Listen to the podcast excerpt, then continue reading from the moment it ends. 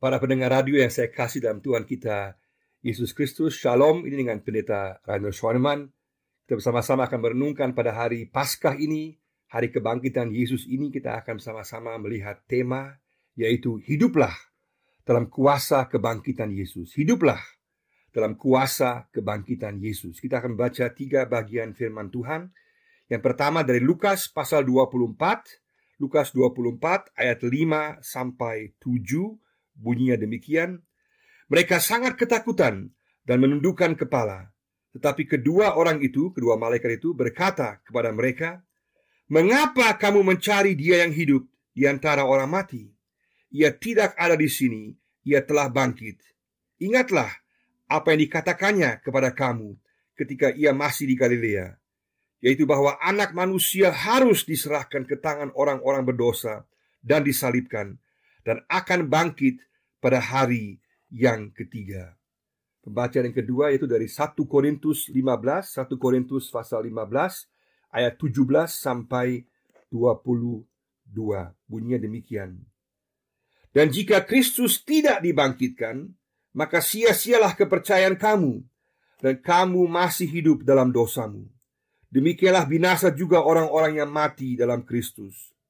Jikalau kita hanya dalam hidup ini saja menaruh pengharapan pada Kristus, maka kita adalah orang-orang yang paling malang dari segala manusia. Tetapi yang benar ialah bahwa Kristus telah dibangkitkan dari antara orang mati sebagai yang sulung dari orang-orang yang telah meninggal. Sebab sama seperti mau datang karena satu orang manusia, demikian juga kebangkitan orang mati datang karena satu orang manusia. Karena sama seperti semua orang mati dalam persekutuan dengan Adam, demikian pula semua orang akan dihidupkan kembali dalam persekutuan dengan Kristus.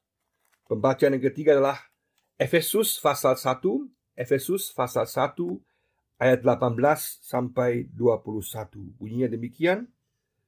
Dan supaya ia menjadikan mata hatimu terang, agar kamu mengerti pengharapan apakah yang terkandung dalam panggilannya.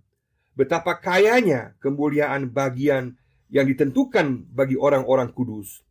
Dan betapa hebat kuasanya bagi kita yang percaya sesuai dengan kekuatan kuasanya yang dikerjakannya di dalam Kristus dengan membangkitkan dia dari antara orang mati dan mendudukkan dia di sebelah kanannya di sorga.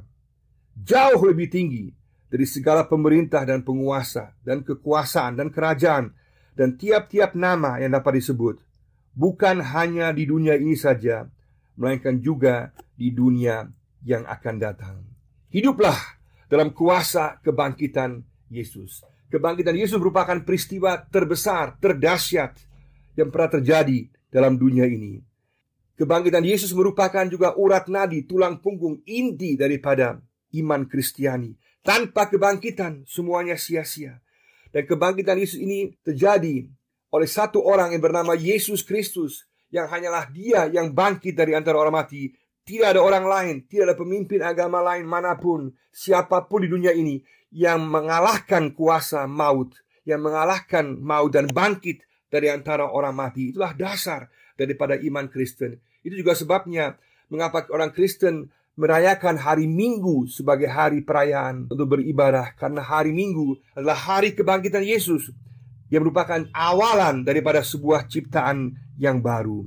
Kita tahu dari kejadian pasal 3, kita lihat manusia telah jatuh dalam dosa. Manusia yang diciptakan dalam citra dan gambar rupa Allah yang begitu indah, jatuh dalam dosa, kehilangan kemuliaan Allah, dan juga kemudian akhirnya mengakibatkan dosa dan juga kematian. Sekarang dengan Yesus yang bangkit dari antara mati, yang mengalahkan maut, maka sebuah ciptaan baru, suatu awalan daripada ciptaan yang baru telah dimulai.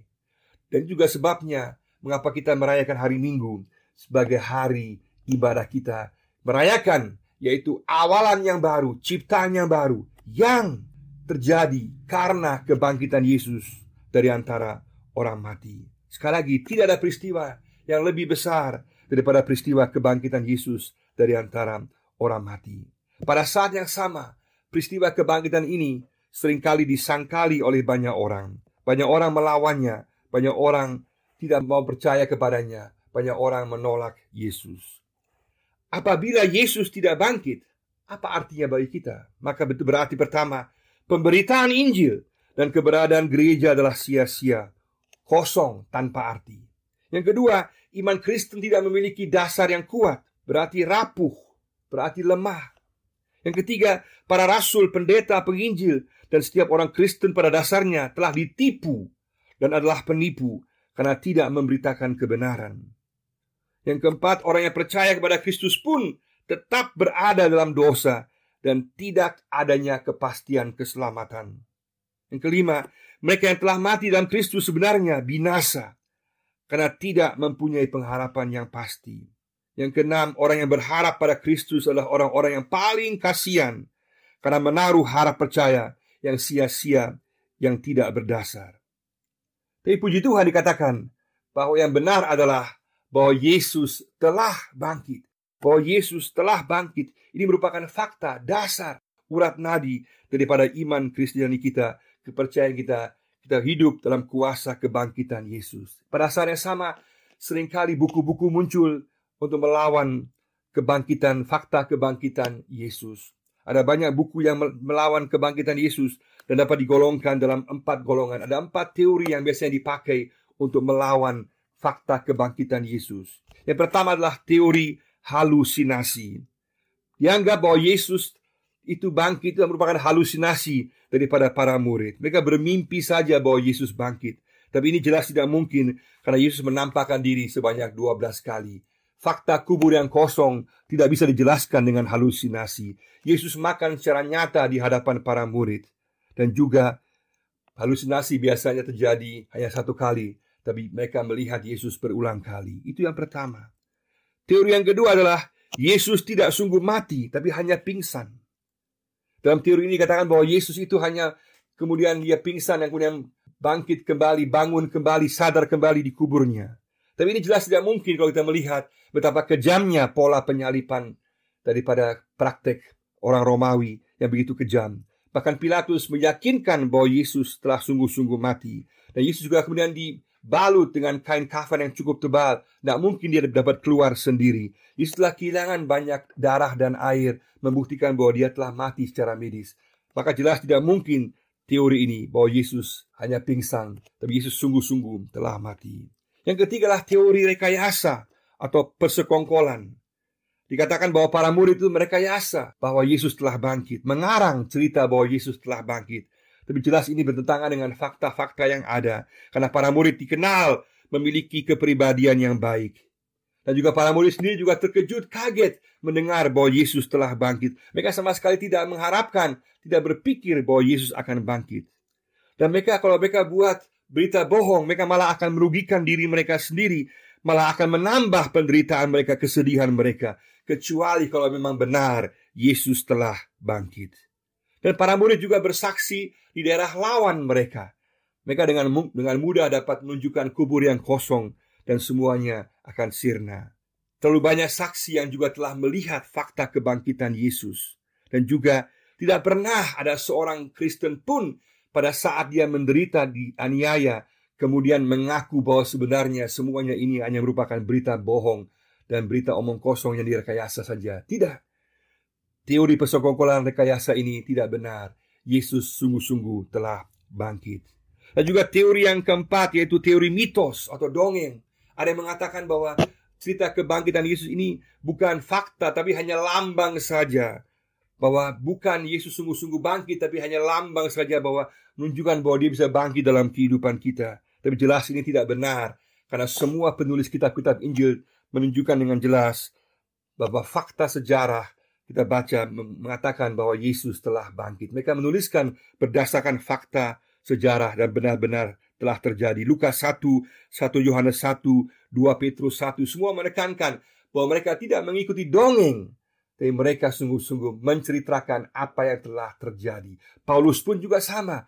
Setiap kali dia berkhotbah, intinya adalah bahwa Yesus telah bangkit. Fakta kebangkitan Yesus merupakan inti, urat nadi daripada pemberitaan orang-orang Kristen pertama berdasarkan fakta bukan mitos. Karena mitos biasanya dilebih-lebihkan, tapi Injil menulis dengan fakta realistis apa adanya. Fakta Yesus telah bangkit. Mitos biasanya perlu waktu lama sampai dia berkembang. Tapi di sini kita tahu Yesus telah bangkit langsung mereka berkhotbah menyaksikan Yesus yang telah bangkit kepada orang lain, bahkan di hadapan para lawan orang-orang yang menentang mereka.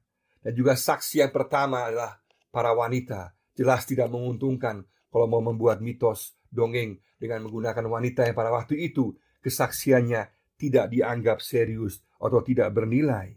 Dan juga para murid tidak pernah membayangkan bahwa Yesus akan bangkit dari antara orang mati. Bahkan mereka frustrasi, mereka pulang kampung. Mereka sama sekali tidak menganggap, tidak percaya bahwa Yesus akan bangkit. Mereka kecewa. Maka keempat teori ini dapat kita tolak secara ilmiah dengan jelas. Yesus sungguh-sungguh telah bangkit. Yesus benar-benar telah bangkit karena harus ada kejadian yang sungguh-sungguh besar yang merubah para murid yang adalah penakut sebelumnya menjadi para murid yang berani menyaksikan Injil dan kebangkitan Yesus.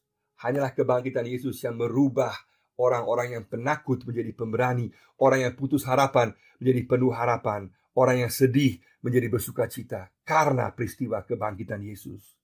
Hanya peristiwa kebangkitan Yesus yang dapat merubah para keluarga Yesus yang sebelumnya menganggap Yesus sebagai gila, tidak waras. Bahkan mereka juga tidak percaya Yesus meskipun Yesus membuat banyak mujizat yang luar biasa. Tapi karena saat mereka lihat Yesus bangkit dari antara mati, itu membuat mereka kemudian menerima percaya kepada Yesus dan menjadi anggota gereja di Yerusalem pada waktu itu. Luar biasa.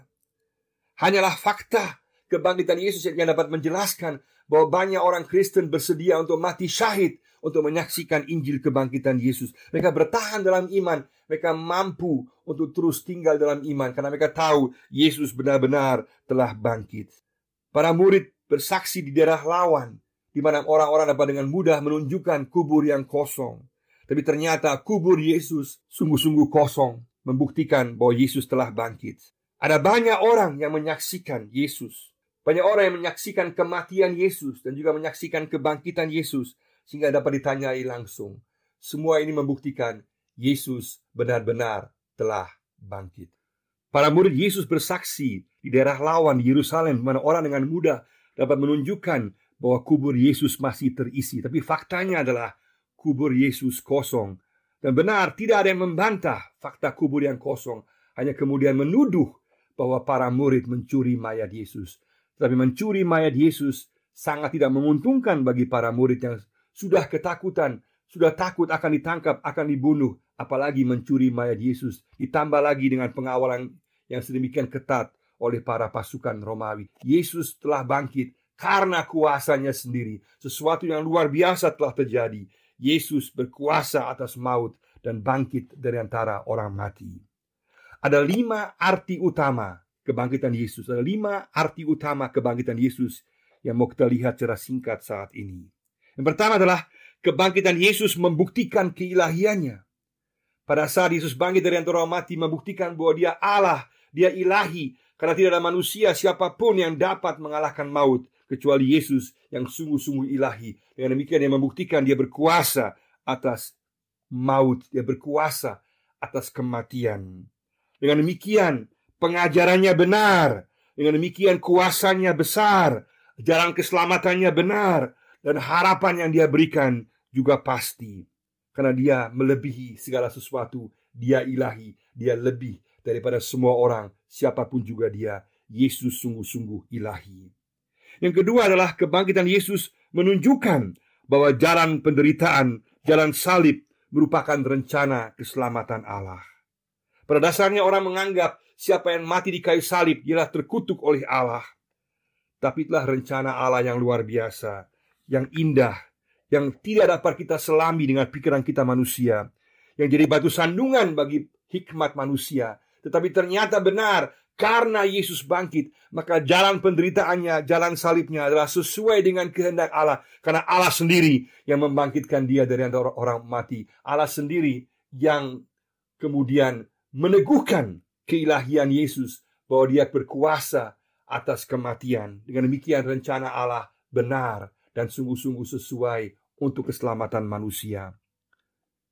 Yang ketiga adalah kebangkitan Yesus menunjukkan bahwa korbannya di kayu salib adalah sah bagi pengampunan dosa. Artinya, jalan salib sekarang karena kebangkitan Yesus menjadi sah, berarti benar Yesus mati di kayu salib. Karena kematian Yesus di kayu salib bukan karena penderitaannya yang menentukan, tapi karena siapa yang tergantung di kayu salib, yaitu Yesus, Anak Allah sendiri.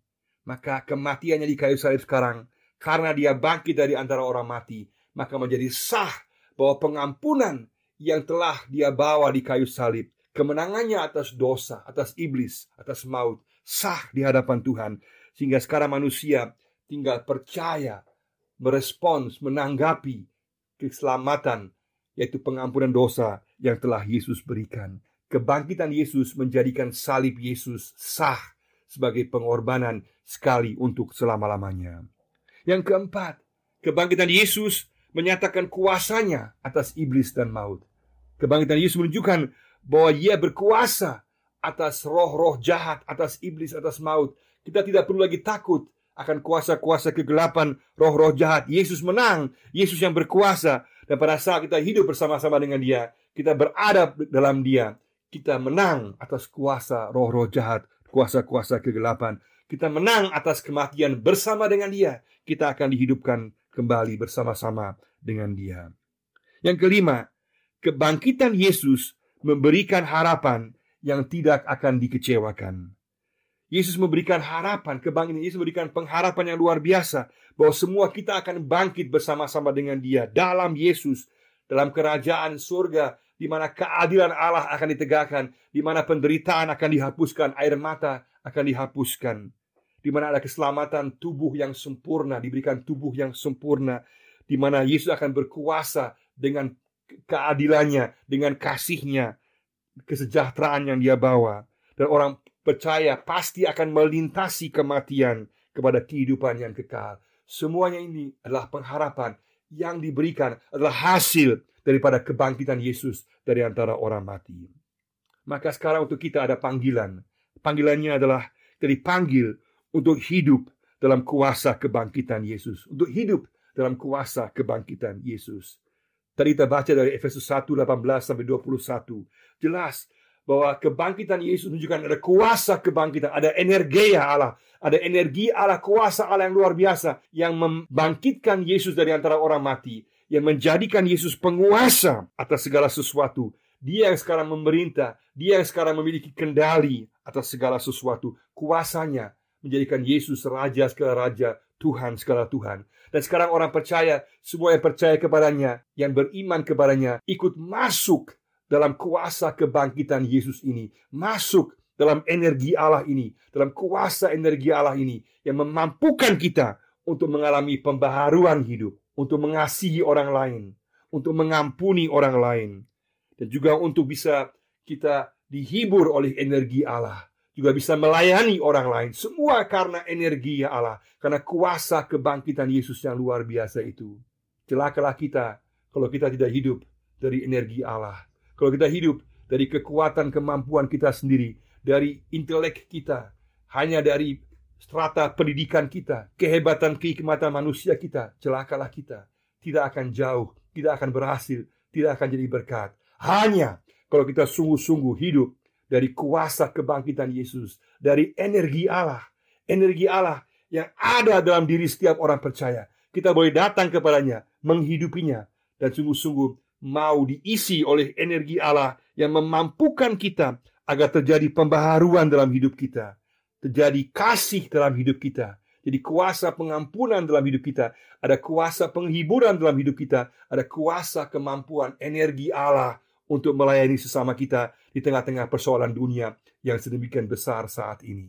Semuanya karena energi Allah, karena kuasa kebangkitan Yesus yang luar biasa. Dengan demikian, janganlah kita hidup tanpa energi Allah. Jangan kita andalkan aki kita sendiri, baterai baterai kita sendiri, tapi andalkanlah energi Allah yang abadi, yang pada saat kita colok kita berhubungan dengan Kristus dalam kuasa kebangkitannya akan mengalir dalam kehidupan kita, akan memampukan kita untuk mengasihi, melayani, untuk juga diperbaharui dalam kehidupan kita dan kemudian jadi saksi di tengah-tengah dunia ini. Hiduplah dalam kuasa kebangkitan Yesus. Kita berbeda karena kuasa kebangkitan Yesus. Kita beda karena ada energi Allah dalam hidup kita. Bukan dari kekuatan kita sendiri, bukan dari kemampuan kita, tapi karena kita berserah, kita menerima, bergantung penuh kepada energi kuasa kebangkitan Yesus yang memampukan kita di tengah-tengah kehidupan saat ini. Penghiburan, kasih, pengampunan, pelayanan, juga penghiburan semua dalam kuasa kebangkitan Yesus energi Allah. Datang telah pada Yesus saat ini. Hiduplah dalam kuasa kebangkitannya. Yakinlah dia telah bangkit. Dan juga yakinlah bahwa Yesus telah mengampuni kita. Kebangkitannya membuktikan kematiannya di kayu salib. Dan telah memperoleh pengampunan daripadanya. Ia telah menang atas dosa iblis dan maut. Atas kuasa kegelapan. Kita terlindung dalam Yesus. Dan juga kita diberikan kuasa, energi, kebangkitan Allah, kebangkitan Yesus Kristus diberikan kepada kita untuk menjalani kehidupan sehari-hari kita, pembaharuan hidup kita, pelayanan kita, semua dari kuasa kebangkitan Yesus. Hiduplah dari energi Allah, hiduplah dari kuasa kebangkitan Yesus hari ini sampai kekal selama-lamanya. Tuhan memberkati kita semua. Amin.